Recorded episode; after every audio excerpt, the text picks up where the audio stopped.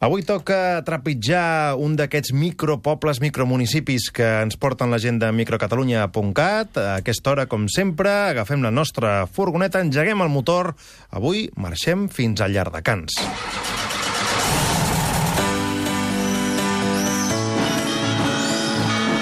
Viatgem per la microcatalunya. Edu Bayer, bon dia. Hola, molt bon dia. Avui trepitgem, com dèiem, terra de bon oli. Municipi. Llardecans. Comarca. Segrià. Habitants censats. 497. Atur l'any passat. 10%. Qui mana al poble? Marc Bonastre, de Convergència i Unió. La microtradició. Avui comencem amb una tradició, microtradició, perquè és en un micromunicipi, eh, una tradició que segueix des de fa molts i molts anys, que és la de passar-se unes capelletes de fusta petitones amb una mare de Déu a dins. Explica'ns, Edu. Exacte, són les capelletes de Llardecans i és un tema que han portat tradicionalment les dones del poble. Abans, eh, quan totes les cases del poble estaven, estaven plenes de gent, permanentment, eh, la capelleta estava 24 hores a cada casa. Llavors, el dia següent anava passant, anava passant de casa, anava passant de casa.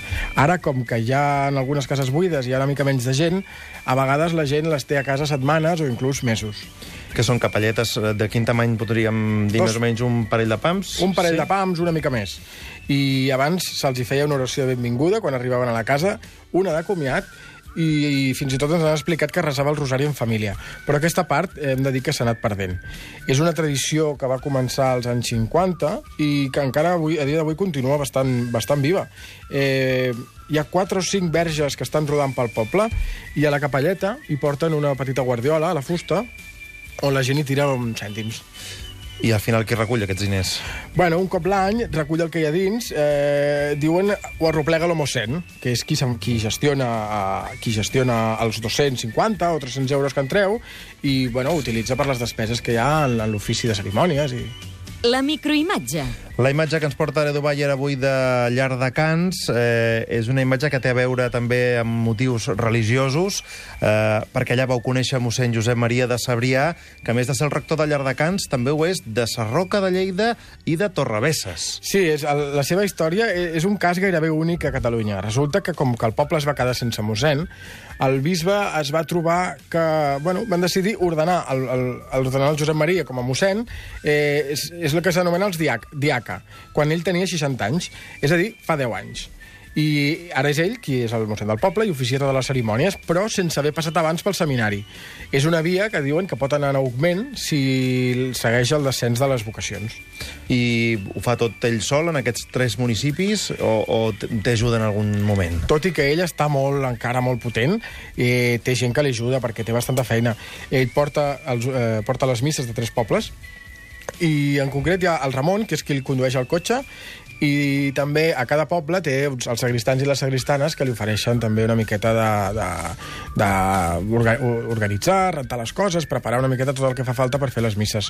Nosaltres vam estar amb ell tot el diumenge de Rams i recordo que vam acabar cansadíssims. I d'aquí la imatge, perquè estem veient l'interior d'una església i amb uns nens i uns quants rams. Exacte, això, això va ser a l'església de Llardecans, però abans havíem, havíem fet un altre, un altre Via Crucis eh, i una altra missa a Torrebesses i a Sarroca.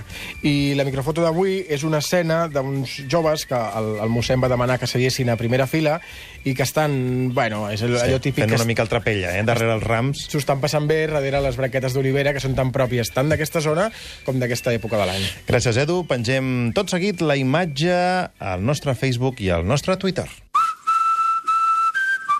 El microcatalà.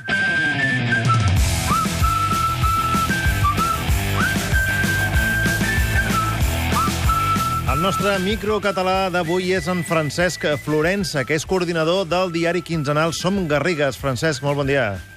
Hola, bon dia, Marc, i bon dia, Edu. Abans de tot, felicitats perquè fa poc vau rebre el Premi a la millor publicació comarcal de l'any i diu l'Edu que merescut. Uh, sí, sí, sí, merci, moltes gràcies. Ho heu merescut, això ho han de dir els que ho van votar, no? Entenc que nosaltres estem molt contents pel premi, sí. Tu vius a Llardecans, eh, que ara, dèiem, forma part de la, del Segrià, però que vosaltres eh, considereu que forma part de les Garrigues històriques. Com s'explica això? Bé, sí, al nostre mitjà nosaltres eh, hi ha nou pobles que actualment pertanyen administrativament al Segrià, que sí que incloem el que nosaltres anomenem garrigues històriques. són nou pobles que tant geogràficament, històricament, a nivell econòmic, tenen moltes més similituds amb els pobles de les Garrigues que amb la resta de pobles del Segrià. Vosaltres eh, també parlàveu en un d'aquests últims números de les capelletes, que encara van de casa en casa en aquests eh, pobles. Explica'ns eh, de què es tracta exactament. Ja que a Llardecans en segueix la tradició, oi? Sí, sí, de fet és una tradició que segueix amb, a la major part dels pobles de la comarca i suposo que també de- d'altres comarques del país. Eh, la tradició consisteix en això, no? La, la, la que seria la...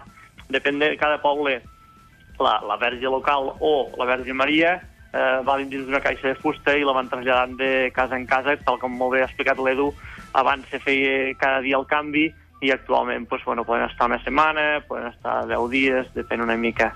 I llavors una mica és com ho tenen allí per, per, com per adorar la verge, no? A les cases on, on encara es porta. A Llardecans, eh, Francesc, a qui vulgui venir, explica'ns què, què s'hi pot veure, què podeu destacar del, del municipi.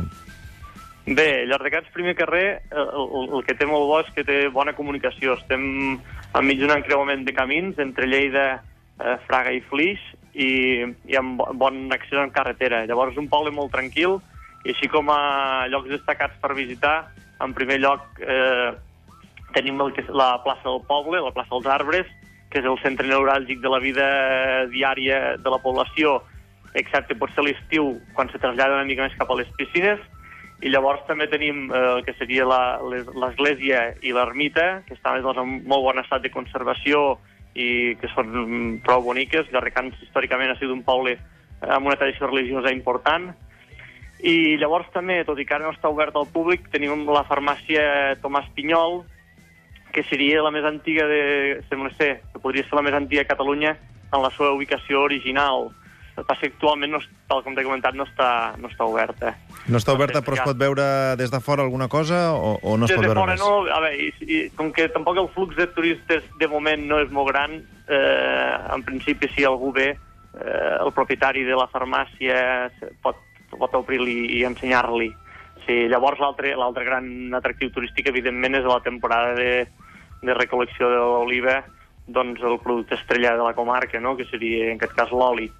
Eh, tant per, per comprar-lo com també per veure aquests pobles en plena vida, no? quan, quan la gent va amunt i avall amb el tractor i, i hi ha més ambient, que és a l'hivern. Vosaltres, ara que estem parlant tant de la consulta del 9 de novembre, sou un poble que els referèndums no us fan gens de por i aquest any, per exemple, vau votar per si s'havia de canviar el nom de la plaça de l'Església, oi? Sí, correcte. Des de l'ANC local es va fer una proposta a l'Ajuntament perquè entenem que no tenia cap sentit eh, tindre una plaça que donava nom, eh, el seu nom era plaça Constitució. Eh, llavors, eh, sí, la veritat és que es va l'Ajuntament va acceptar la proposta, es va fer una votació i va sortir un 100% de vots a favor. Llavors s'havia de decidir quin era el nom que se donava a la plaça i també per un motiu bastant obvi se li, ficava, se li acabarà ficant plaça de l'Església perquè és tal, tal com la coneix tothom allà al poble. Per cert, eh, Francesc, teniu la festa major a prop o encara no? A tocar, com A a la tocar. major part del país, també el dia 15, el dia 15 d'agost, és la festa major del poble. Llavors també tenim la d'hivern el dia 10 de, 10 de desembre, que és la Verge Loreto, però el dia 15 d'agost és la festa major d'estiu. I què fareu aquest estiu? Bé, és una mica és lo, lo, lo de cada any, no? Eh, orquestra perquè balli la, gent, hi ha alguna activitat que muntarà la, la comissió de festes, però encara estan per determinar, no, no, no conec encara el programa, quin serà. Doncs estarem pendents per veure si algú de nosaltres s'hi acosta aquest 15 d'agost cap allà. Francesc, moltíssimes gràcies, molt bon dia. Molt bé. Merci, salut, apa, adeu.